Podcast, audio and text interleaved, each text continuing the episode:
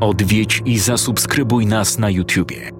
Bądź na bieżąco z nowymi filmami i słuchaj jeszcze więcej mrocznych historii. Mystery TV Więcej niż strach.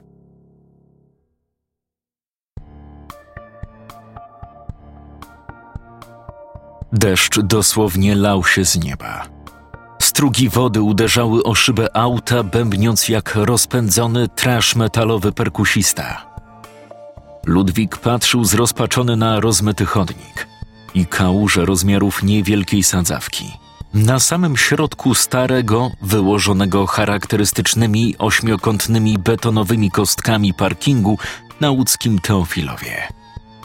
Że też musiał wybrać na przeprowadzkę akurat ten dzień. Kątem oka spojrzał na swojego kolegę Artura. Ten wydawał się lekko zniecierpliwiony. I co się tak gapisz? Wiesz, że nie mogę tu sterczyć cały dzień.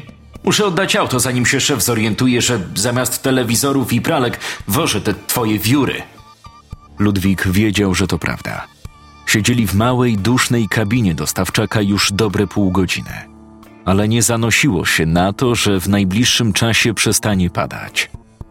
Para wodna pokryła wszystkie szyby gęstym kożuchem i żeby móc wyjrzeć, trzeba było przetrzeć szkło ręką. Ubrania nasiąknęły, a specyficzny mikroklimat, mieszanina potu i wilgoci nie sprzyjały długim dysputom o życiu. Gdy w radiu wystartował kolejny z serii blok reklamowy, Artur nie wytrzymał. Dobra, wystarczy tego. Jeszcze jedna reklama maści na hemoroidy i naprawdę poczuję ból dupy. Nic się nie stanie, jak trochę zmokniemy. Nie jesteśmy pieprzonymi cukrowymi figurkami na szczycie weselnego tortu. Ruszaj tyłek. Mówiąc to, rosły, prawie dwumetrowy chłopak z lekką nadwagą złapał za uchwyt nad drzwiami i dźwignął się tak, że aż całym samochodem lekko zakołysało. Uchylił drzwi i wyszedł. Po sekundzie do uszu Ludwika dotarł dźwięk otwieranej paki i kroki w metalowej puszce. Nie miał wyjścia. Musiał dołączyć. Gdy tylko uchylił swoje drzwi, solidna porcja wody z nadbudówki nad kabiną spłynęła mu za kołnierz. Poczuł, jak spinają się mięśnie na karku. Rzucił tłustą kurwą pod nosem i pobiegł pomóc. Meble z Ikei z pewnością miały jedną zaletę. Zbudowane niekoniecznie w całości z drewna, były lekkie. Niestety, raz skręcone również niespecjalnie trwałe. Rachityczna biała komoda wyginała się, jakby miała zaraz zmienić kształt. Tym bardziej, że Ludwik ułożył na niej jakieś kartonowe pudło, w obecnych warunkach nabierające wodę szybciej niż Titanic. Nadrobili trochę drogi, obchodząc jezioro na parkingu i wcisnęli się do klatki. To był stary, jedenastopiętrowiec położony tuż przy Aleksandrowskiej. Zbudowany w latach 70., był jednym z pierwszych budynków na tym osiedlu.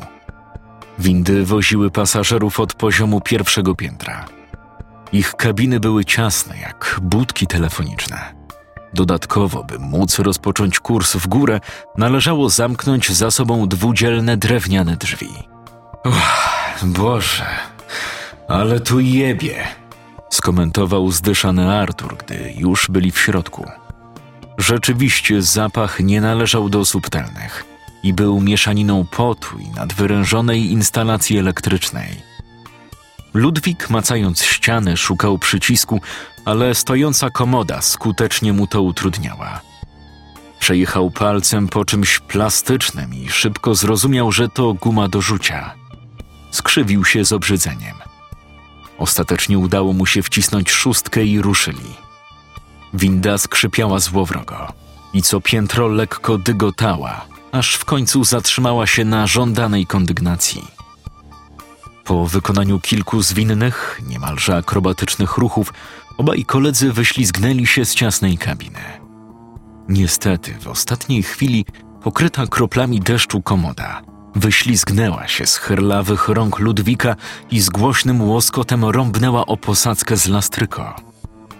Głuchym echem rozniósł się trzask drewna a pudło, które leżało na meblu, spadło, potoczyło, a jego zawartość wysunęła się z szelestem.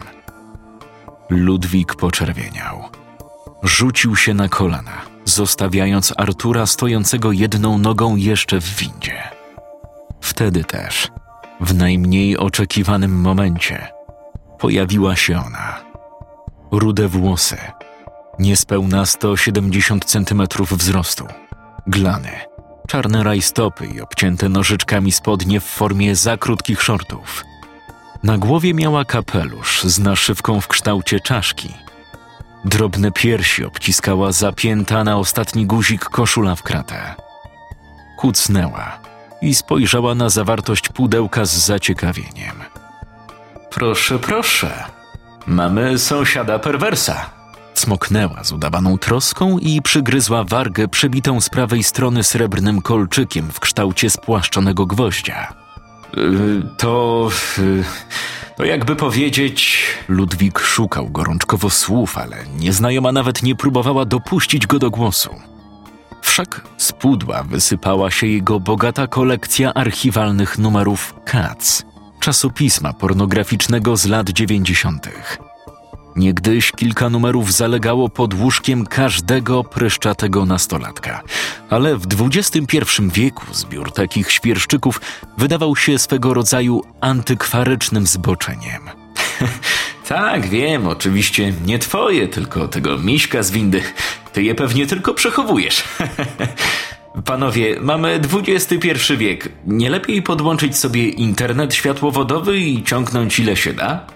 A później hulaj dusza. Mówiąc ostatnie zdanie, wykonała gest walenia konia. Dobra, matołki, ja skorzystam ze schodów, a wy dalej wnoście tu te swoje archiwum X.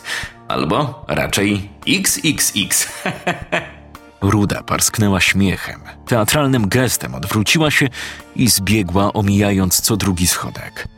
Po chwili słychać było tylko tupanie glanów. Ludwik, odwracając się do Artura, rzucił tylko: Nie chcę słyszeć ani jednego słowa komentarza. Rozumiesz? Nazwała mnie miśkiem. To chyba komplement. Rozczulił się Artur. Gdy tylko pornosy trafiły z powrotem do pudełka, Ludwik przekręcił konspiracyjnie klucz w zamku i wskoczył do ciasnawej, ale odnowionej i w całości jego własnej kawalerki. Ciężko na nią pracował, tyrając jako budowlaniec, a później kelner na zachodnim wybrzeżu Wielkiej Brytanii. Nie było go w kraju całe 18 miesięcy, ale dopiął swego. Wyniósł się z prowincji do miasta. Miał swoje mieszkanie kupione za gotówkę. Całe życie stało przed nim otworem, a miał dopiero 27 lat. Biała komoda wylądowała pod ścianą. Potrzebowali jeszcze dwa kursy, żeby opróżnić zawartość busa. Fotel bujany z jego rodzinnego domu i jakaś stara ława, którą matka Ludwika wcisnęła mu niby jako posag. Ale Artur Welmisiek miał raczej wrażenie, że skorzystała na przeprowadzce syna i pozbyła się śmiecia z piwnicy. Gdy się żegnali, Artur, zupełnie poważny, zagadnął. Y po co to trzymasz? Ja pierdolę, wiedziałem, że w końcu zapytasz. Nie wiem, naprawdę nie wiem. To jest. Y, to jest y, moja kolekcja. Nostalgiczna kolekcja y, z lat mojej młodości. Nie mogłem ich wszystkich tak po prostu wyrzucić do kosza. Ich? Szczypior, czy ty słyszysz, co ty mówisz? Ile ty masz lat, ziom? Zakręć się za jakąś prawdziwą kobietą. Wiesz, jak się teraz robi. Tinderek i raz w prawo slajd, raz w lewo, raz w prawo, a wieczorem... Szczypior. Ludwik nie lubił tej ksywki. Wiązała się z jego mizerną posturą, ale i początkowym stanowiskiem w Biedronce. Tam się poznał z Arturem. Byli odpowiedzialni między innymi za dział z warzywami. No i Ludwik został szczypiorem, a Artur, cóż, na niego wszyscy mówili, tak dla odmiany, kruszyna. O, i swoją drogą ta twoja nowa sąsiadka, no to prawdziwy konkret. Artur wykonał ruch dłońmi, obrysowując kobiece biodra w powietrzu i udając, że klepie wyimaginowaną postać po pośladkach, to z lewej, to z prawej. Chyba już musisz iść. Ludwik uznał, że tak zakończy swaty. Gdy przybijali piątkę na pożegnanie, zorientowali się, że przestało padać. Za wielkiego, niekształtnego betonowego kloca wysunęło się nieśmiało listopadowe słońce. Silnik diesla zaturkotał pod maską i w kłębie czarnego dymu stary, przerdzewiały transporter wytoczył się z parkingu. Ludwik postanowił jeszcze zrobić drobne zakupy w żabce, umiejscowionej w podcieniach wieżowca od strony przystanku autobusowego na traktorowej, i wrócił do klatki. Wsiadając do windy, miał nadzieję, że nie spotka ponownie rudej sąsiadki. Wystarczyło mu wstydu na dłuższy czas.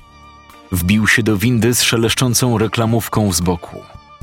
Stalowe drzwi zewnętrzne z łoskotem zatrzasnęły się. Następnie konieczne było domknięcie dwudzielnych wewnętrznych wrót. Wykonał krok w tył, by je zamknąć. Symetryczne kawałki drewna oddzielające wagonik windy od szybu. Wybrał ponownie sześć i pokonując kolejne piętra, rozglądał się po napisach uwiecznionych czarnym markerem na drewnopodobnym wnętrzu transportującego go pudełka.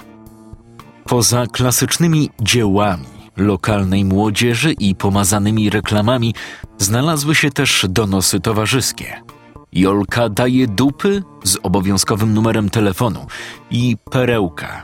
Zabawny napis znanego łódzkiego wandala, który zamienił walkę na kibicowskie hasła w prawdziwą sztukę. Prosty, machnięty na szybko slogan mówił: ŁKS myśli, że in vitro to pizzeria. Szczypior zaśmiał się sam do siebie. W całej łodzi można było znaleźć kilkanaście, może kilkadziesiąt innych haseł utrzymanych w tym samym tonie. Ponoć stał za nimi jeden i ten sam twórca o ksywce Janusz III Waza, choć pewnie od lat miał swoich naśladowców. Nagle coś złowrogo skrzypnęło, a sekundę później winda zatrzęsła się i stanęła. Ludwik, którego myśli krążyły od luźnych skojarzeń po wewnętrzny komentarz odczytywanych haseł, nagle oprzytomniał. Zerknął na drzwi. Przez wąskie szybki nie było widać absolutnie nic. Czy winda zatrzymała się między piętrami? Żarówka zamrugała, a guziki oldschoolowej konsoli sterującej, pamiętającej spokojne lata osiemdziesiąte, zaczęły migać jak choinkowe światełka. No pięknie. Szczypior wzniósł oczy do nieba. Choć w tym konkretnym przypadku oznaczało to gapienie się w niski sufit upstrzony bluźnierczymi napisami i śladami po dogaszaniu petów. Spięcie. Ja pierdolę. Pociągnął nosem niepewnie, zastanawiając się, czy zaraz nie spłonie. Ale nic specjalnego nie wyczuł. No, może poza własnym potem. Cały dzień przeprowadzki w wilgotnym powietrzu wycisnął z niego ostatnie soki. Postał chwilę i ponownie zbliżył się do drzwi zaciekawiony. Za szybami rozpościerała się najczarniejsza czerń, jakby ktoś zewnętrzną ich część wysmarował smołą. Zrobiło się zimno i para z ust mężczyzny osadzała się po wewnętrznej stronie wagonika. Słyszał swój miarowy oddech i kołaczące serce. Kolejne szarpnięcie przyszło również z nienacka.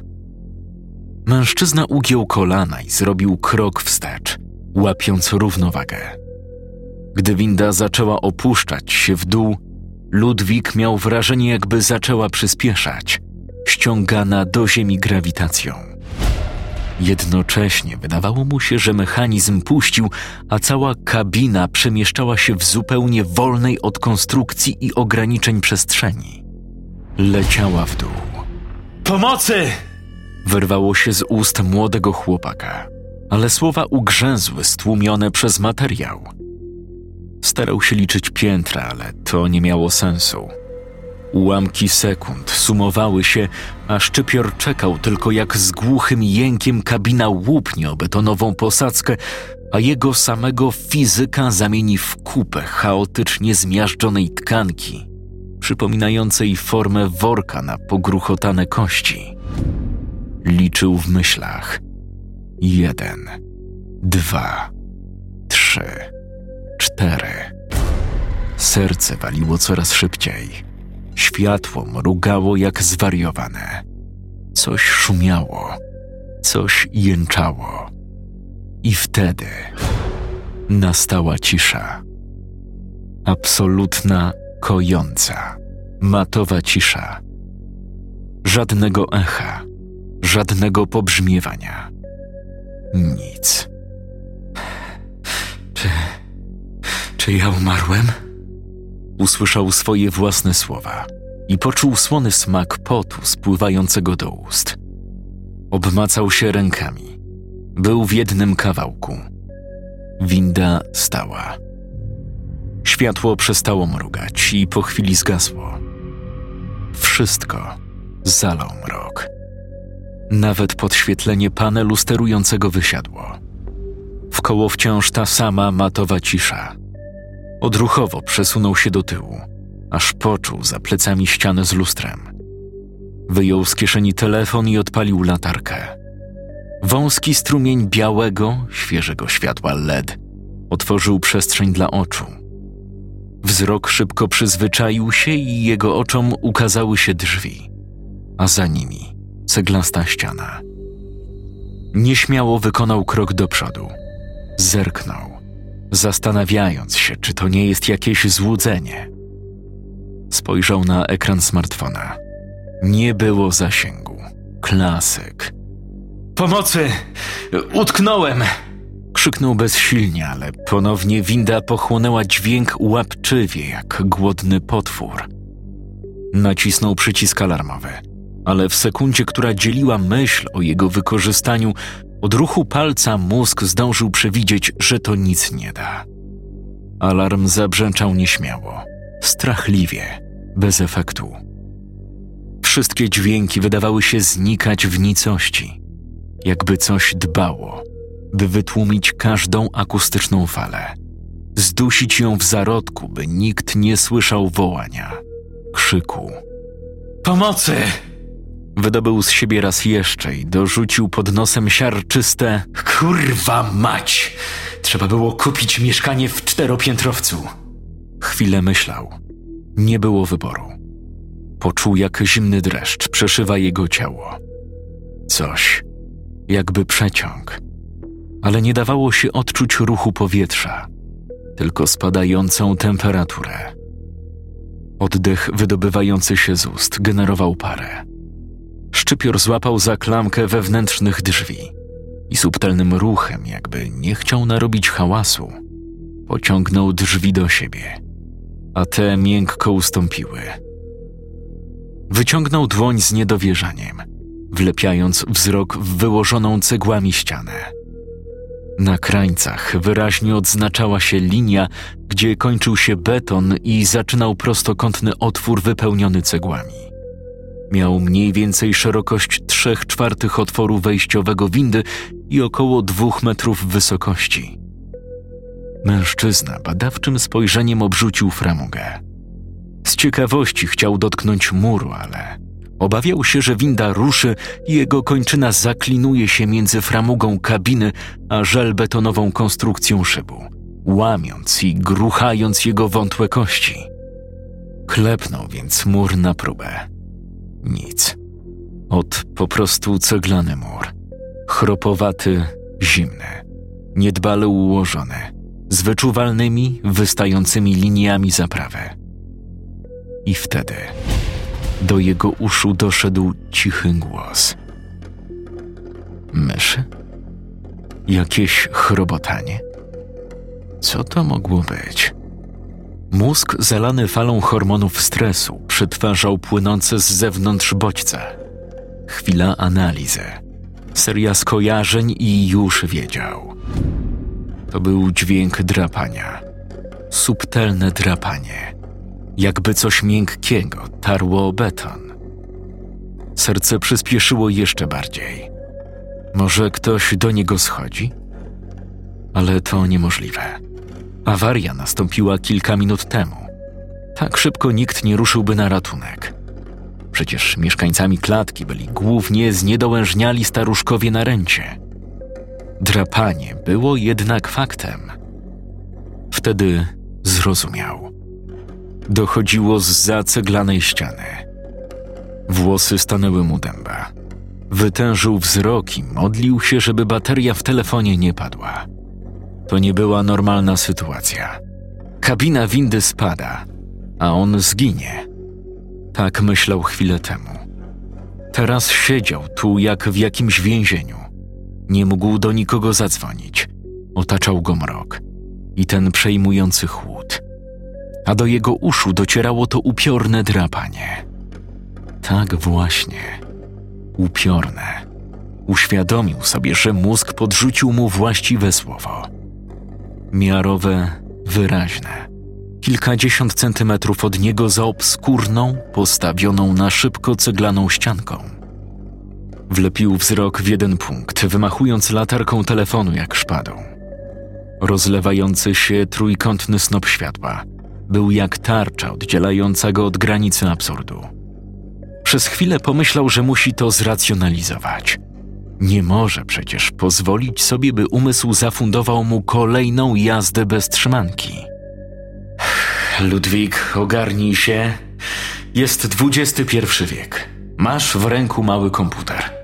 Siedzisz w windzie w bloku w drugim co do wielkości mieście w Polsce. Przecież prędzej czy później ktoś zauważy, że ta pieprzona winda zniknęła i po prostu zaczną jej szukać. Zejdą po linach tutaj, oswobodzą cię, albo wróci prąd, całość posłusznie powiezie cię na szóste piętro, Wjedziesz do domu, otworzysz piwo, wyjmiesz październikowy numer Katz z 1999 roku i. Rozmyślania ustały, gdy słuch zarejestrował, że skrobanie ustało. Kolejny raz pojawiła się matowa cisza, jak w kabinie do rejestracji dźwięku wygłuszonej pianką.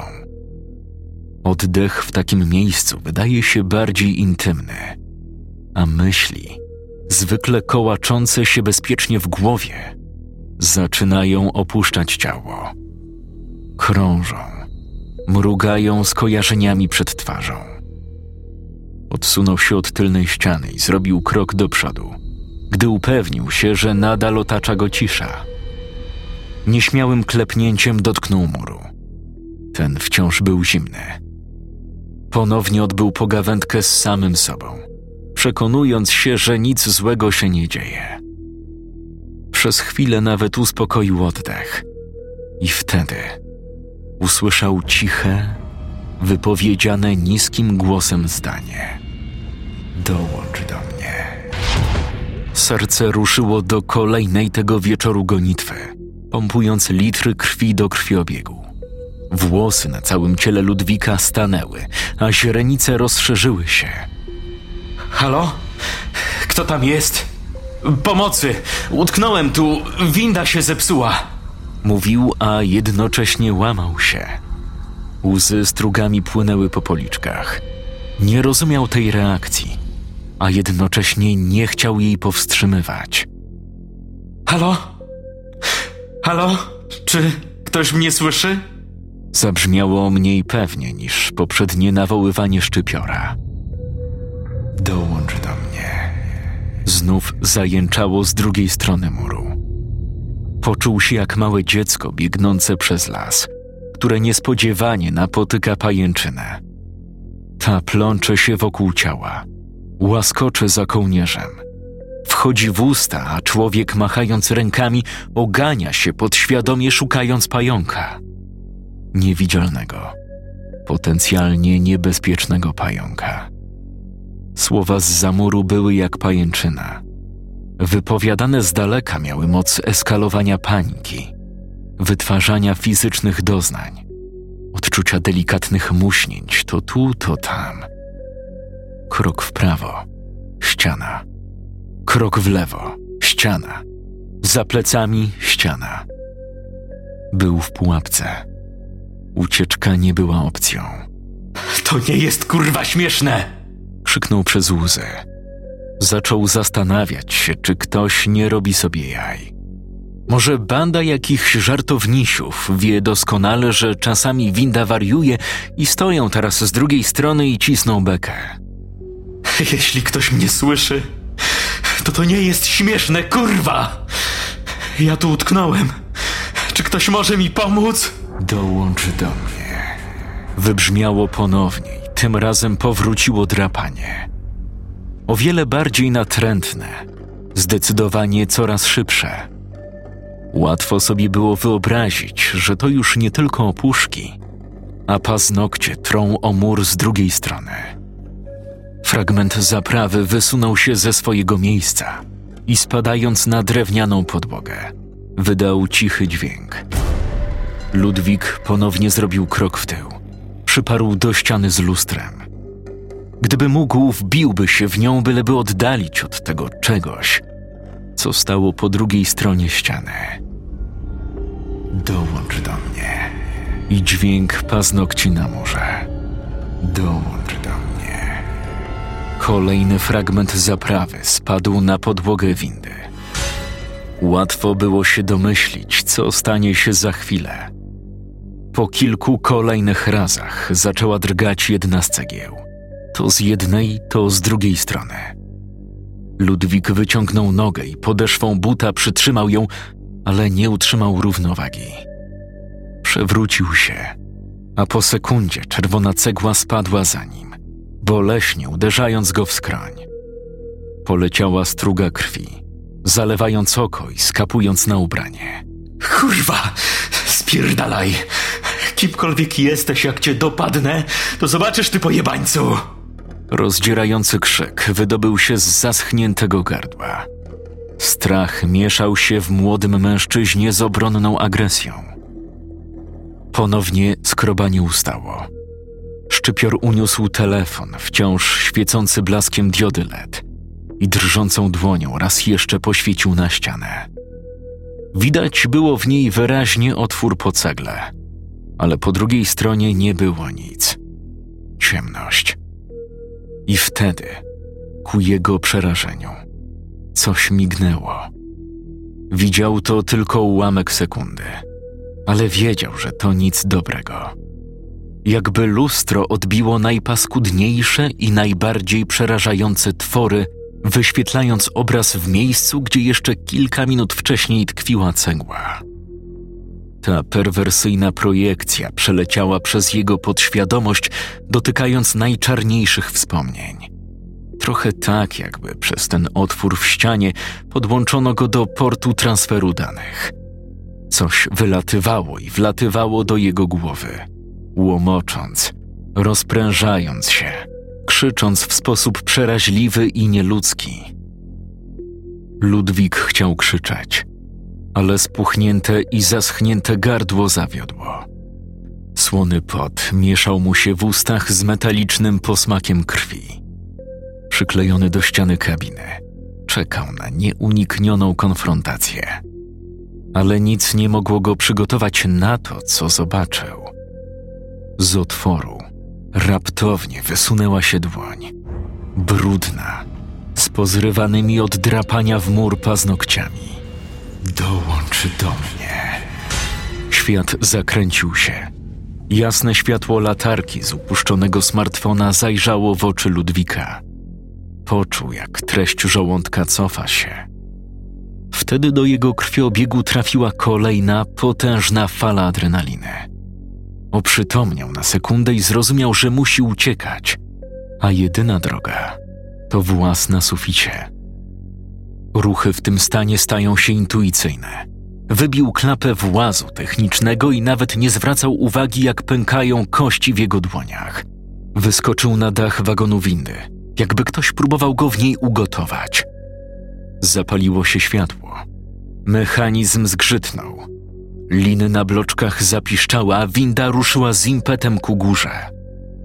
Słabe światło z korytarza zaglądało raz po raz przez otwory kolejnych drzwi usytuowanych na piętrach. Świat zawirował, a szczypior runął przez włas z powrotem do wagonika windy. Unosił się przez chwilę w niezidentyfikowanej rzeczywistości. Jawa to, czy sen? Strach czy wytchnienie? Coś się zbliżało, tupało krzyczało, obijało go po twarzy. Z-za kurtyny białego światła dostrzegł rozmazaną postać. Skupił wzrok. Pojawiło się jakieś inne żółte światło. Kolejne uderzenie w twarz zaszczypało. Woal oddzielający go od dźwięków odsunął się. Usłyszał śmiały głos. Obudź się. Hej! Słyszysz? Obudź się! To była Ruda. Ludwik otworzył oczy i podskoczył jak oparzony. Ej, ej, ej, tylko spokojnie, spokojnie. Czegoś ty się naćpał. Nieraz widziała młodych chłopaków po dopalaczach. Nieobecni, zdezorientowani, nie mający świadomości, co się dzieje. Ja. Ja. Poznajesz mnie? Tak. Sąsiadka. Widziałem cię. Ty. Uważaj. To. To się nie cofnie. Nie przestanie. Tak, tak, bardzo dobrze. Wracaj do mnie. Wracaj do prawdziwego świata. Tu jestem i nic ci nie zrobię. Tylko nie szalej. Dziewczyna była pewna, że ma przed sobą ofiarę dopalaczy albo chrzczonych narkotyków. Spuchnięte dłonie, rozcięta głowa, krew i pot, mamrotanie, rwane zdania, rozbiegane oczy. Wyjęła telefon i sprawnym ruchem wbiła 112, jednocześnie przytrzymując nogę w progu windy, tak by nie zamknęły się drzwi. Ktoś dwa, trzy piętra niżej krzyczał z pretensjami. Co tam się dzieje? Proszę zwolnić windę. Nie da się. Wypadek. Dla Ludwika to była jakaś surrealistyczna scena. Wymalowana jaskrawym światłem, przedzielonym chwilami kompletnej ciemności. Dźwięk przychodził i wracał. Pozostałe zmysły wydawały się nieobecne. Swoje własne ręce i nogi postrzegał jak nie swoje ciało. W drzwiach stała dziewczyna. Czarno-czerwona plama. Ostatecznie projektor w jego głowie wyłączył się. Stracił przytomność. Dzień później. Andrzej Błachowicz patrzył w papiery i nie do końca układało mu się to wszystko w całość. Herlawy gość, nieposzlakowana przeszłość, dwukrotnie pracownik miesiąca, żadnych długów, podejrzanych transakcji z karty i tak się załatwił? Co mówiła mała? Yy, Ewa Skowrońska? Dopytał sierżant Krosna. No była tam tylko jedna poniżej wieku emerytalnego. Rzucił z nad papierów Błachowicz. Yy, nie zna go dobrze. Dopiero się wprowadził. Ta, wszystkie tak mówią. A później się okazuje, że obciągała połowie bloku. Dobra, jedźmy do szpitala. Może coś wyciśniemy z typa. Może kogoś sypnie? Kto wie. Błachowicz był nastawiony na szybki postęp w sprawie. Temat dopalaczy zrobił się ostatnimi czasy nośny i komendant nie daje za wygraną. Sprawdzają wszystko i wszystkich. Sprawy trzeba zamykać szybko. Najlepiej wskazywać winnych w postaci dealerów. A jak wpadnie cała szajka, to od razu robią konferencję. Już się im kilka razy udało, ale sklepy z półlegalnymi prochami wyrastały jak grzyby po deszczu. Ciężko było zrozumieć, dlaczego dzieciaki i dorośli przy tak szeroko zakrojonej kampanii informacyjnej sięgali po to gówno. W tym zakresie Błachowicz wyznawał prostą zasadę. Prawda jest jak dupa. Każdy ma swoją. Z tym szpitalem to nie tak szybko. Bo? Wypisali go. Pojechał do domu. No a toksykologia? Nic. Czysty jak łza. Dobra, jedziemy na traktorową 63. Chcę z nim pogadać. Ktoś go musiał z jakiegoś powodu tak załatwić. Może coś trafimy, a jak nie, to skoczymy na pomidorówkę do Teofilanki. Detektyw miał na myśli dobrze znany bar mleczny vis-a-vis domu handlowego Teofilek. No i ta cegłówka, e, dziwna sprawa. Co innego jak masz pod ręką, ale dźwigać to, żeby komuś gonga w windzie sprzedać. To jakiś amator. Może o dziewczynę poszło. Ładna dupa z tej skowrońskiej. Dupy ci tylko w głowie. Czasami mam wrażenie, że ty to fiuta nawet w słoik po musztardzie sarebskiej byś wsadził. Zarechotali i wyszli z ciasnego, zdeselowanego pokoju. Szybka fajka na parkingu i już po chwili pakowali się do starej Oktawii, która, jak wyliniały pies, dzielnie towarzyszyła Błachowiczowi od 15 lat. Ruszyli w stronę traktorowej. Było wczesne popołudnie. Słońce schowane za chmurami. Wiatr, zimny i przenikliwy, dmuchał z północnego wschodu. Nie zastali nikogo w domu, więc zgodnie z planem ruszyli na pomidorówkę. Niedługo potem taksówka podwiozła Rafała na ten sam parking, na którym jeszcze dzień wcześniej rozpakowywał dobytek z kruszyną. Zapłacił kartą i wysiadł. Nie zrobił nawet kroku przez dłuższą chwilę, mimo przenikliwego wiatru liżącego jego ciało pod kurtką i ogromnego bólu głowy. Minęło może pięć, a może dziesięć minut, i jak już zrobił się siny z zimna, to dopiero zdecydował się wejść do klatki. Miał prosty plan. Przebierze się, zadzwoni do kruszyny, do roboty. Później spakuje się i wieczorem będzie u matki w domu. Z dala od tego przeklętego bloku. Najchętniej od razu by pojechał, tylko. tylko nie był do końca pewien. Nikt nie chce wyjść na debila, który przestraszył się czegoś, bo nawet nie wiedział, co widział w windzie ostatniego wieczoru. Lekarze upewniali go, że był to atak paniki, że takie rzeczy zdarzają się dorosłym, że winda, że mrugające światło i stało się. Ale on wiedział, jaka była prawda. Wiedział? A może zwariował? W podmuchach wiatru było coś złowrogiego. Wieżowiec stał otoczony niską zabudową i rozpędzone powietrze dosłownie obejmowało go w uścisku. Gwizdało, a przy gzymsach robiły się kurzawki z mokrego, nadtopionego śniegu. I ten paskudny pastelowy kolorek.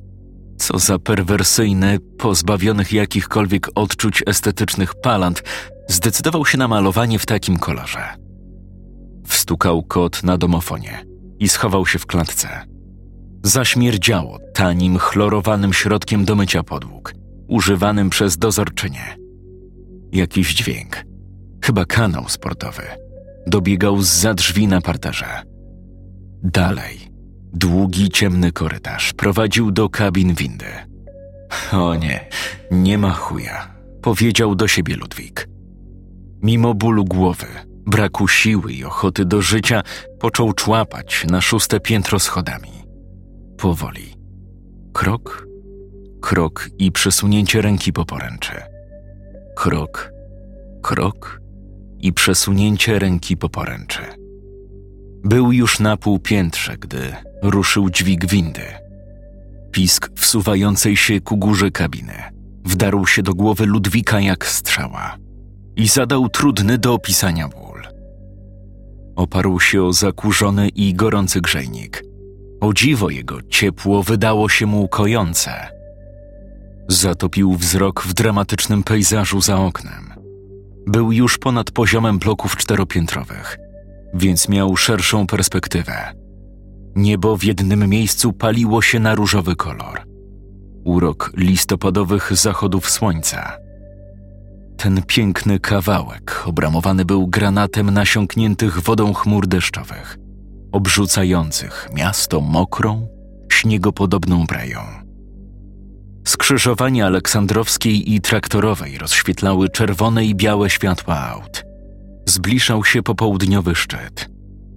Za chwilę rodziny wrócą do domów na obiad, odrabianie lekcji, spotkania ze znajomymi.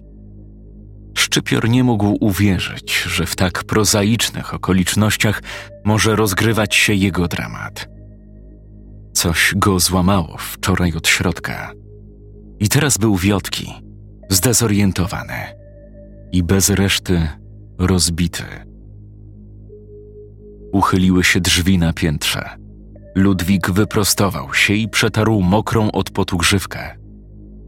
Przy drzwiach jednego z mieszkań stała ruda. Od razu go zauważyła i gdy tylko wyjęła klucz z zamka, zbiegła do Ludwika w swoich nieodzownych, wydawałoby się, klanach. Cześć, jestem Ewa. Ludwik, wyglądasz jak gówno. Dzięki. Nie zauważyłem. Ja po prostu musisz uważać. Nie wiem, jak to wytłumaczyć, ale. Nic nie mów. Wiem, kto cię tak załatwił, ale nie powinieneś milczeć. Znam tych kolesi z góry. Wychowywałam się z nimi, chodziłam do podstawówki. To zwykli bandyci. Nie daj się. Sprawdzają cię, bo jesteś nowy. To nie tak. To. To nie żadni bandyci. Lokalni. Okej, nie chcesz o tym mówić? Nie musisz. Ale gwarantuję ci, że jak raz do ciebie przyszli, to wrócą.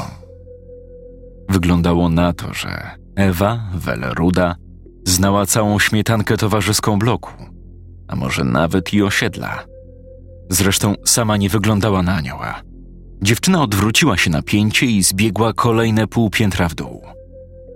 A jeśli to wróci? Powiedział pod nosem, ale Ewa tego już nie słyszała.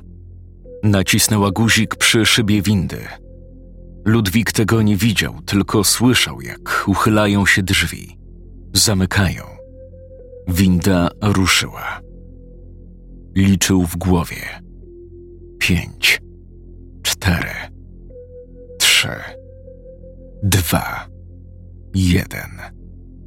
Stop. Wyjrzał przez poręcz w dół. Patrzył, jak Ewa przechodzi dalej i kieruje się w stronę drzwi wyjściowych z klatki. Wtedy szczypior uzmysłowił sobie, że windą musi podróżować codziennie kilkadziesiąt osób. I co? Akurat jego wagonik zawiózł do piekła?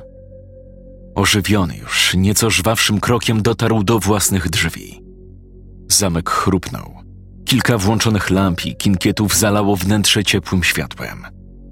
Usiadł na kanapie i spojrzał na komodę. Pudło z pornosami znów powrócił do myśli, czy w tak trywialnym świecie mogło się zdarzyć to, co tkwi w jego głowie w formie przerażającego wspomnienia? Może rzeczywiście miał majaki, może spanikował. Postanowił wrócić do planu. Najpierw kontakt z Kruszyną i informacja w robocie, dlaczego nie pojawił się na popołudniowej zmianie. Wyjął telefon z kieszeni, podłączył do ładowania. Po chwili urządzenie odegrało radosną muzyczkę powitalną, a po wykryciu LTE odezwały się również komunikatory social mediów i SMS-y. Nie trudno było się domyślić w wiadomościach, głównie od Kruszyny i kolegów z pracy. Padały pytania o powód spóźnienia, a w kolejnych o powód absencji. Ludwik pomyślał, że dla lepszego efektu roześle selfie swojej rozmaślonej głowy z wielkim opatrunkiem na skroni i zapuchniętymi oczami. Stanął pod lampą, przestawił tryb aparatu i cyknął dwa, trzy ujęcia. Im dłużej robił normalne rzeczy, tym bardziej luzował. Otworzył Messengera i wybrał konwersację z Kruszyną. Napisał Randka z Rudą zakończona w pierdolem od lokalsów. Rotfl. Detale jak się zobaczymy. Kliknął ikonę aparatu, by załadować do wiadomości ówcześnie wykonane selfie. Otworzyła się galeria. Przełknął ślinę. Ręka zadrżała. Z niedowierzaniem patrzył na zawartość galerii. Tuż przed zdjęciami jego pokiereszowanej gęby znajdował się plik wideo, datowany na dzień poprzedni. Ciemny kwadracik, niewyraźny obraz i ikonka w kształcie trójkąta. Szybko zrozumiał, że włączając w amoku latarkę, musiał niechcący uruchomić kamerę. Nagrał całe zajście? Może tylko fragment.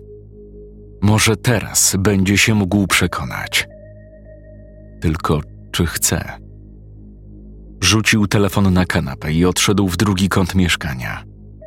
Przez chwilę, przez cholerną chwilę był gotów uwierzyć w wersję lekarzy. A teraz będzie musiał powiedzieć: Sprawdzam. Bał się jak niczego na świecie. Łzy napłynęły mu do oczu, a serce rozdygotało się w klatce piersiowej. Zebrał się w sobie. Podszedł ponownie do telefonu. Nieufnie i ostrożnie. Nacisnął odtwórz i odskoczył jak porażony prądem. Nie patrzył na telefon, jedynie słuchał. Tylko na tyle starczyło mu odwagi na ten moment. Nagranie nie było dobrej jakości głównie trzaski i szmery rąk przesuwanych po obudowie. Halo? Czy ktoś mnie słyszy? Drgnął, słysząc swój spanikowany głos. Ale najgorsze dopiero miało nadejść. Dołącz do mnie. Struchlał. Jak na rozkaz przyparł plecy do ściany. Dołącz do mnie. Bardzo wyraźnie było słychać, jak ktoś, coś, mówi z zamuru. Do głowy Ludwika napłynęły wciąż żywe wspomnienia ostatniego wieczoru. Niewidzialna ręka zacisnęła jego serce. Poczuł fizyczny ból i ponownie ten sam nieopisany, bezgraniczny strach. Dołącz do mnie. Nagranie w telefonie powtarzało bez przerwy. Ludwik złapał kolumnę stojącą pod komodą miniwieży i rąbnął w smartfona. Ten spadł z kanapy i potoczył się. Dołącz do mnie. Ponownie wybrzmiało z lekkim przesterem, charakterystycznym dla uszkodzonego głośnika. Nie dorwiesz mnie, ty skurwysynu. Kolejne uderzenia kolumną obróciły obydwa urządzenia w stertę złomu. Na chwilę nastała cisza. Przejmująca cisza. I wtedy szczypior poczuł to niezidentyfikowane odczucie wszędobylskiego zimna. Dołącz do mnie. Telefon ożył mimo zniszczeń. Rozbity na dziesiątki małych trójkącików wyświetlacz zamajaczył niebieskawym światłem. Kolejne dołącz do mnie. Wbiło się w Ludwika jak gwóźdź. Nie zwariowałem. Nie zwariowałem. On tam był. I gdy panika sięgnęła zenitu, przypomniał sobie, co zrobił poprzedniego wieczoru. Uciekł. Po prostu w akcie desperacji uciekł. W ostatniej chwili znalazł wyjście. Pomyślał, że teraz też je znajdzie. Ucieknie i już go to coś nie dorwie. Nigdy więcej. Nigdy więcej strachu. Nigdy więcej paranoi. Jeszcze przez sekundę przemknęła mu myśl, że przecież dwa dni temu był normalnym 27-latkiem. Ale teraz musi uciekać, ratować resztki siebie. To, co zostało obdarte z honoru i poczucia godności. Bo czy może być coś gorszego niż możliwość zasiania w kimś bezgranicznego strachu i powracania do niego na zawołanie? Błachowicz kończył już swój talerz, a Krosno obrabiał pierwszego ruskiego pieroga z kopy wyłożonej na wytartym od wielokrotnego zmywania talerzu.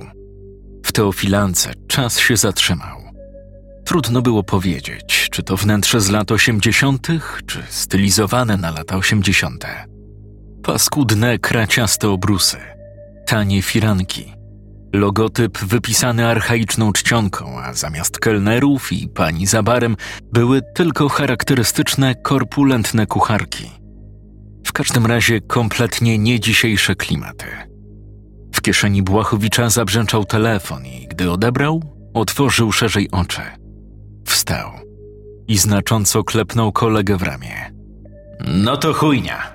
Strzelił w powietrze, kilka zbulwersowanych staruszek jedzących w restauracji obrzuciło go zabójczym wzrokiem. Hm, Co się stało? Dopytał Krosno z pełnymi ustami. Mamy trupa. Tutaj, tuż za rogiem. Wskazał palcem w stronę traktorowej 63. Andrzeja zawsze zastanawiało to, czy trup samobójcy ma jakąś tajemniczą moc, czy generuje jakieś specyficzne pole. Ludzie zbiegali się, ale zatrzymywali jakieś dwa, trzy metry przed ciałem. Powstawał pierścień ciekawskiego tłumu i przepchnięcie się przez niego było niezwykle trudne. Trzeba rozpychać się łokciami, machać odznaką, a później, gdy wchodzi się w wewnętrzny krąg, człowiek zaczyna się czuć jak na arenie. Gapie nie skupiają się już tylko na trupie, ale badają wzrokiem przybyłego policjanta albo ratownika. Patrzą, jak ten wyjmuje lateksową rękawiczkę. Czy na jego twarzy pojawia się grymas, czy może chłodno ocenia sytuację? Bo nie raz już widział rzeczy gorsze. Ciało. Błachowicz był pewien. Policyjny nos mu to podpowiadał. należało do Ludwika Kowalskiego. Charakterystyczna, rozcięta cegłówką skroń. Nie była już charakterystyczna. Od upadku na betonowy chodnik twarz zamieniła się w miazgę. Potylica zapadła się do środka, a całość utonęła w kałuży krwi. Noga z otwartym złamaniem kości udowej. Barki nienaturalnie podkurczone, pewnie zmiażdżone na kilka kawałków. Spojrzał w górę. Widział wyraźnie na szóstym piętrze otwarte okno w rozpalonym światłem mieszkaniu. Cholerny, mokry śnieg, nawiewany przez coraz bardziej natarczywy wiatr, walił prosto w twarz. Podjechała karetka, wyjąc kogutem do samego końca. Błachowicz zastanawiał się, czy trup Ludwika powie mu więcej niż wyciągnąłby z żywej osoby. Teraz to już nie była sprawa pobicia, a być może morderstwo. Zdrapanie resztek trupa z chodnika zajęło chwilę. Prokurator, jakieś sprawdzenie miejsca, przetrząśnięcie mieszkania. Błachowicz siedział już dłuższą chwilę w skodzie zaparkowanej przy supermarkecie po drugiej stronie traktorowej. Patrzył, jak wieżowiec piętrzy się w posępnej ulewie.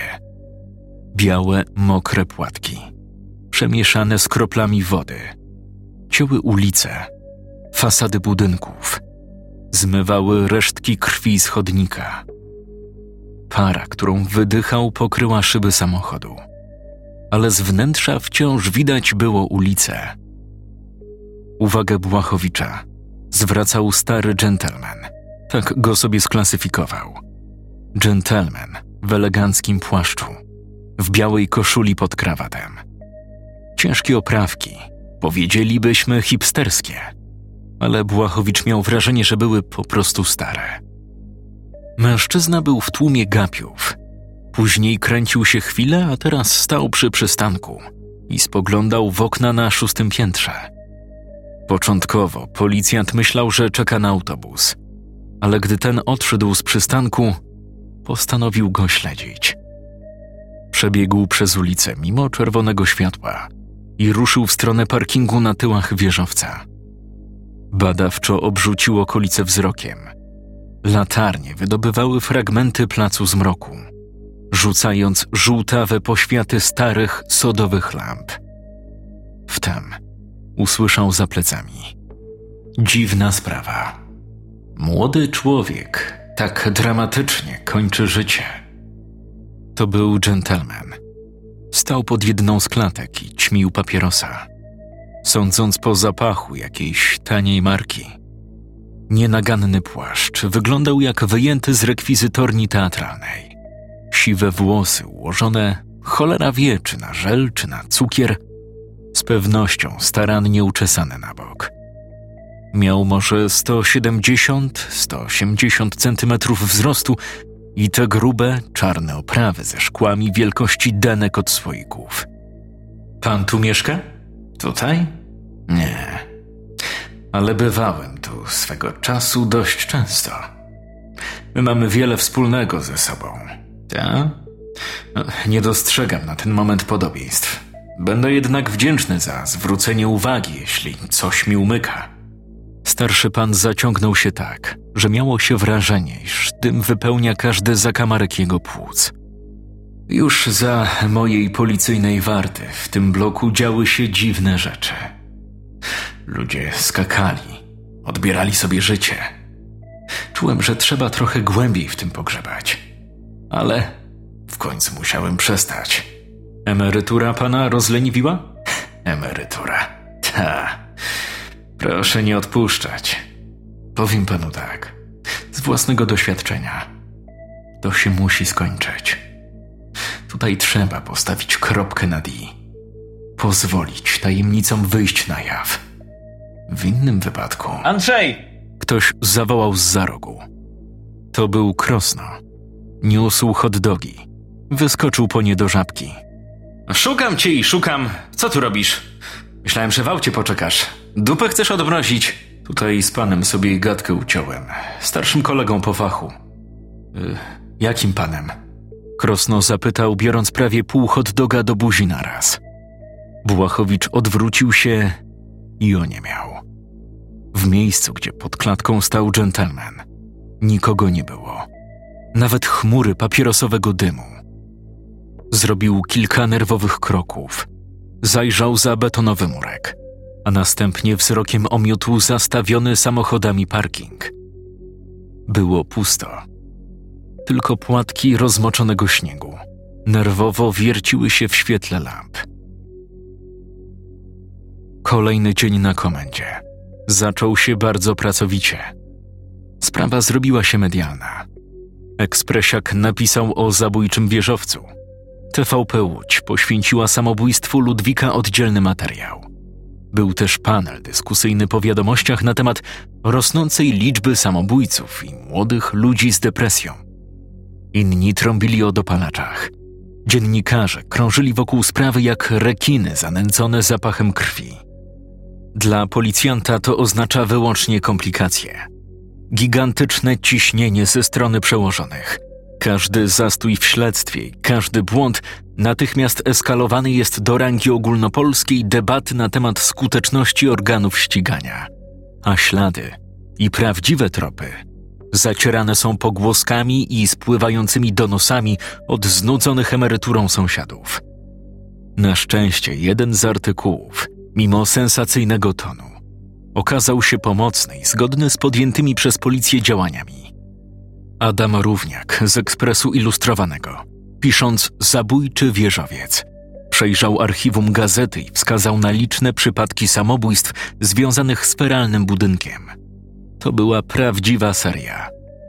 Krosno i Błachowicz znaleźli odpowiedniki opisanych spraw w policyjnym archiwum. Większość z nich sygnowana była nazwiskiem Tadeusza Kruka, ówcześnie początkującego śledczego polskiej milicji. Wieżowiec przy traktorowej 63 powstał w 1972 roku, ale samobójstwa zaczęły się jednak dopiero w drugiej połowie lat 80. Można było zauważyć, że co pięć lat w listopadzie giną mężczyźni, zwykle w wieku 25-40 lat. Niezwykła, regularna seria okazała się dość dobrze opisana. W archiwum można było przeczytać liczne ekspertyzy psychologiczne i psychiatryczne, rysy biograficzne samobójców i wszystkie dodatkowe dane. Nic poza regularnością desperackich aktów się nie zgadzało. Wiek, pochodzenie, status. To byli ludzie ze wszystkich szczebli drabiny społecznej. Poza mężczyznami, w latach dziewięćdziesiątych skoczyły również dwie kobiety, ale te przypadki wydawały się nie być skorelowane z serią męską. Szczególną uwagę Błachowicza zwracała za to aktywność Kruka w początkach lat dziewięćdziesiątych, a dokładnie ta część śledztwa poświęcona samej historii wieżowca – przewijały się notatki nazwisko Izabeli Przaśnik, jednej z urbanistek projektujących osiedle. Nie było poszlak, dodatkowych śladów, zeznań, wartościowych donosów.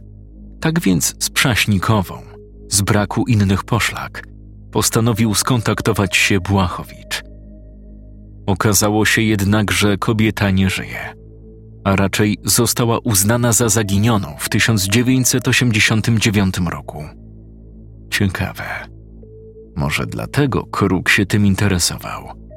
Może znalazł jakieś powiązanie. Zawartość policyjnych dokumentów nie była w tym zakresie przesadnie pomocna. W teczkach poza klasycznymi opisami, fotografiami z miejsca widniały odręczne rysunki, stare mapy topograficzne rejonu jakieś szkice architektoniczne. Krosno usiadł do bazy i ustalił, że córka prześnikowej mieszkała kilkanaście kilometrów dalej w domu na Julianowie. Andrzej jeszcze tego samego popołudnia umówił się na krótką rozmowę. Gdy podjechał pod adres, kobieta dobijająca pięćdziesiątki paliła papierosa przy furtce prostokątnego klocka z lat siedemdziesiątych. Była wyraźnie podminowana. Andrzej Błachowicz, komenda... Udało się? Znaleźliście coś? Żadnego dzień dobry, żadnych skrupułów. Agata, bo tak miała na imię, po prostu weszła w rozmowę. Przerwała powitanie bez pardonu. Andrzej zrozumiał, iż łudziła się, że przyjechał w sprawie zaginionej przed laty matki. To zmieniało plan jego wizyty, ale otwierało szereg nowych dróg rozmowy. Postanowił improwizować. Nie zapraszała go do domu. Nie naciskał. Dla odmiany zaproponował spacer. Pogoda była o wiele lepsza niż dzień wcześniej. Temperatura wzrosła o dobrych 8 stopni i przestało padać. Matka planowała Teofilów? Wybrał pan opcję na okrągło. To musiałby być długi spacer, żebyśmy do czegoś doszli, a ja nie mam tyle czasu. Czyli woli pani wprost. Będzie pan pytał o wieżowiec przy traktorowej? O mojej matce nic nowego nie ma, prawda? Niestety, przykro mi. Minęło wiele lat, a tymczasem widziałam artykuł w prasie. Mignął mi tytuł na pierwszej stronie gazety na stojaku wystawionym przed kioskiem na przystanku. Panie, panie komisarzu, matka, jakby to powiedzieć, miała specyficzne podejście do życia. Łączyła postawę nowoczesnej i postępowej inteligentki z czymś, co nazwalibyśmy dziś fascynacją paranormalnymi tematami. Andrzej wiedział, że musi cierpliwie poczekać na wartościowe informacje, przyjmując całą historię córki zaginionej przed laty kobiety. To mógł być rzeczywiście długi spacer. Tymczasem Agata kontynuowała wpatrzona w chodnik, po którym szli. Jak projektowała, planowała, to nie myślała tylko o tym, jak budynek zmieni życie tych, którzy przyjdą, ale również jak zmieni to, co inni w danym miejscu pozostawili. Dokonywała takiej iście matematycznej analizy w swoim, w swoim sercu. Według tego, co mówiła, przy traktorowej nie miało być tego pieprzonego wieżowca, ale uparł się jakiś ówczesny partyjniak. No i, pan sobie wyobrazi, usadzili w planie to ponurek maszysko na terenach podmokłych. Jak zaczęli osuszać i kopać, to się okazało, że tam jakieś cmentarzysko było. Czy szczątki osady, nie wiem. W każdym razie przedchrześcijańskiej. Matka zwariowała na tym punkcie. Chodziła wokół tematów, ściągała archeologów, zabezpieczała te groby, no ale ostatecznie blok tak czy siak stanął. Ponoć jak spychacze wjeżdżały, to czasami psy z hałd piachu wygrzebywały sobie jeszcze kości. Pani matka twierdziła, że za zabójstwami stoi jakaś klątwa? Uśmiechnął się sam do siebie. To nie szło w dobrą stronę. Żadnych poszlak, śladów. A teraz duchy. Pan zadaje te same pytania, co mój ojciec. Dlatego się pokłócili. Niedługo przed jej zniknięciem. Przykro mi. Ale sama pani rozumie. Byli ludzie, którzy myśleli inaczej. Jednym z nich był kruk. Kruk? W głowie Andrzeja zapaliły się światełka. Szli po kwadracie, przemierzając ulicę wokół parceli, gdzie stał dom prześników. Kiedy do naszego domu zawitał kruk, to była końcówka lat 80. i został z nami przez dwa lata, aż do 1991. Miałam jakieś 16 lat. Badał sprawę pierwszych samobójstw i tak trafił na moją matkę. Przez te wszystkie lata był jedynym policjantem, który podjął w ogóle ten trop. A moja matka poczuła się w końcu doceniona, albo przynajmniej zrozumiana. Kruk też wierzył w duchy? Klątwę przedchrześcijańskich osadników, którym Teofilów w ogródki postawili? Wiem, jak to brzmi, ale podeszli do sprawy poważnie. To był romans? Ojciec. Ojciec początkowo milczał, ale atmosfera gęstniała. Ona wymykała się na wielogodzinne wertowanie dokumentów, planów i ekspertyz archeologicznych. A w głowie mojego ojca może sobie pan wyobrazić, co on sobie wyobrażał. Andrzej dał trochę przestrzeni. Nie zadał kolejnego pytania. Pozwolił, by cisza nakłoniła córkę do dalszej opowieści. Kruk to nie był zwykły milicjant. Przesiąknięty tytoniem, w wytartych spodniach, z ciętym językiem. Spojrzała jakby, chciała powiedzieć Błachowiczowi, jak pan. To był prawdziwy dżentelmen, intelektualista. Podchodził do pracy metodycznie, z chłodnym dystansem. Miał w sobie niezwykły urok. Gdy zaginęła w 1991, ojciec Chyba, Chyba ze smutku, z braku innych wytłumaczeń. Dostał udaru. Od, tamtej pory siedział już tylko na wózku i patrzył w dal. Zmarł w 98. Przykro mi. Moja matka zabrała ze sobą jakąś tajemnicę. Nikt do tej pory jej jednak nie rozwiązał. I tak skończył się spacer. Agata przez resztę drogi milczała. Policjant z bólem głowy wrócił do swojego ciasnego domu na Dąbrowie. Zgasił światło i pozwolił, by pokój penetrowały latarnie stojące na ulicy. Długie, jasne smugi cięły pokój, łamiąc się na ścianie i regale z książkami. Mówił sam do siebie. Kruk, winda, seria samobójstw, cmentarzysko, Agata Przaśnikowa, romans. I wtedy jeszcze raz zerknął na biblioteczkę. Poczuł dreszcz podniecenia. Podskoczył i podbiegł do niej, po drodze włączając małą lampkę. Kruk, kruk. Znam to nazwisko. Po chwili wyciągnął z półki książkę Rytualne mordy na przestrzeni lat. T. Kruk. Podszedł do stolika, gdzie stała lampka i uchylił obwolutę z notą biograficzną. Zdjęcie przedstawiało schludnego mężczyznę. Biała koszula pod krawatem, z zaczesanymi na bok włosami w grubych oprawkach.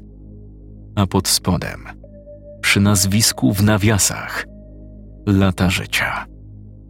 1946 1991 Co do kurwy zawirowało mu w głowie.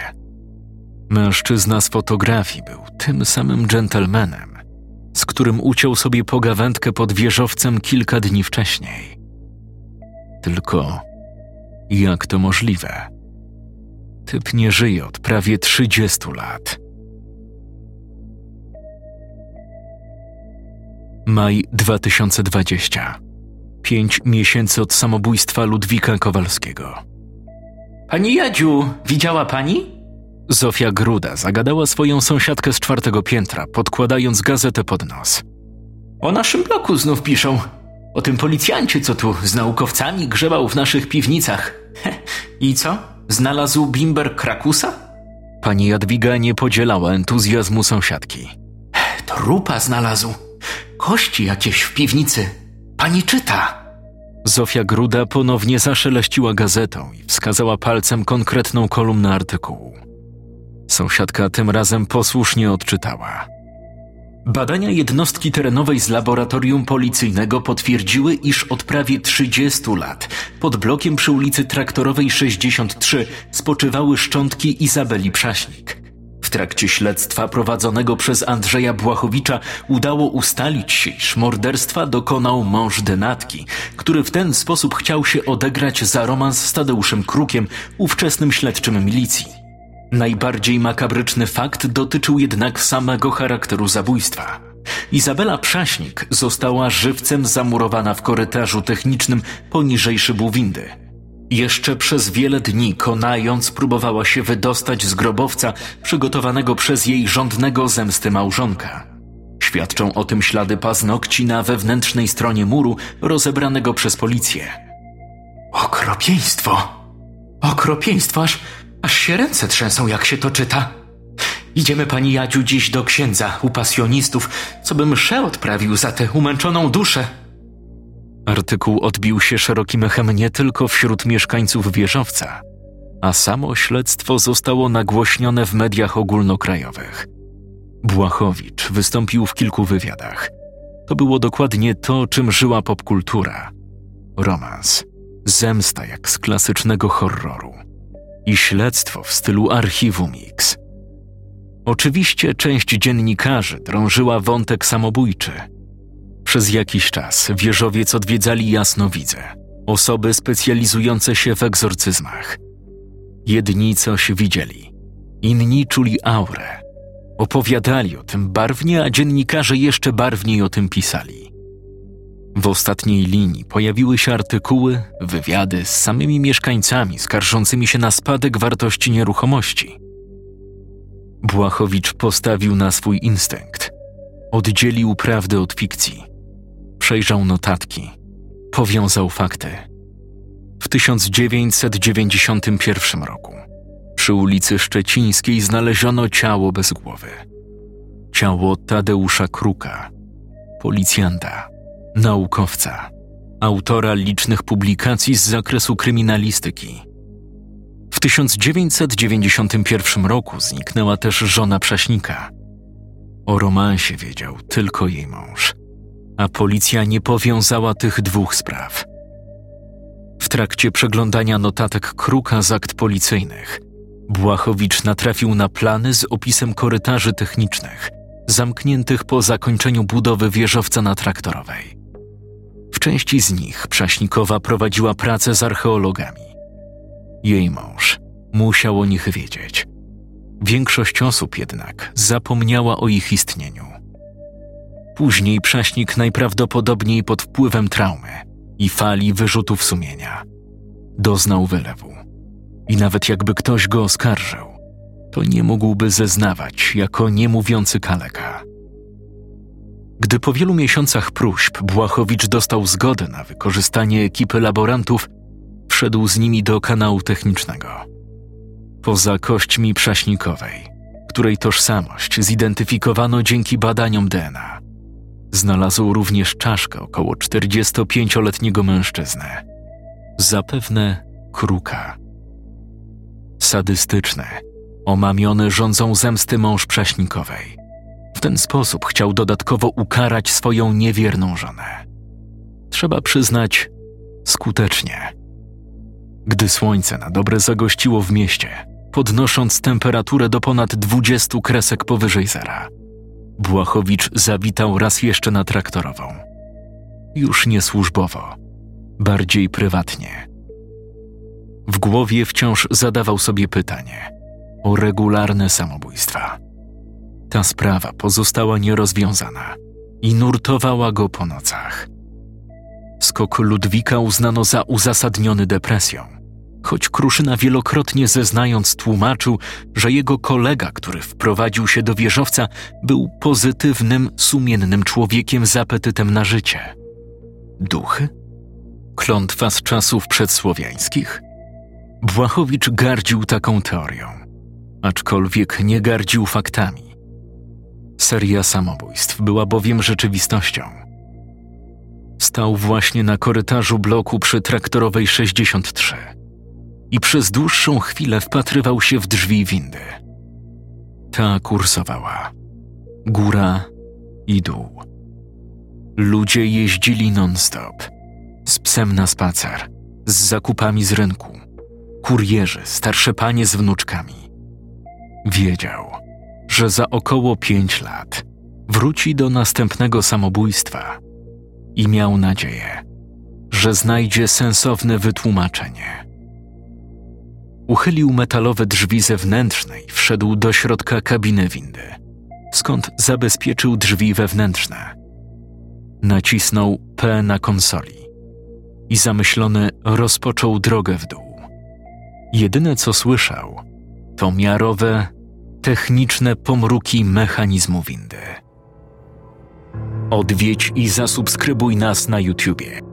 Bądź na bieżąco z nowymi filmami i słuchaj jeszcze więcej mrocznych historii. Mystery TV.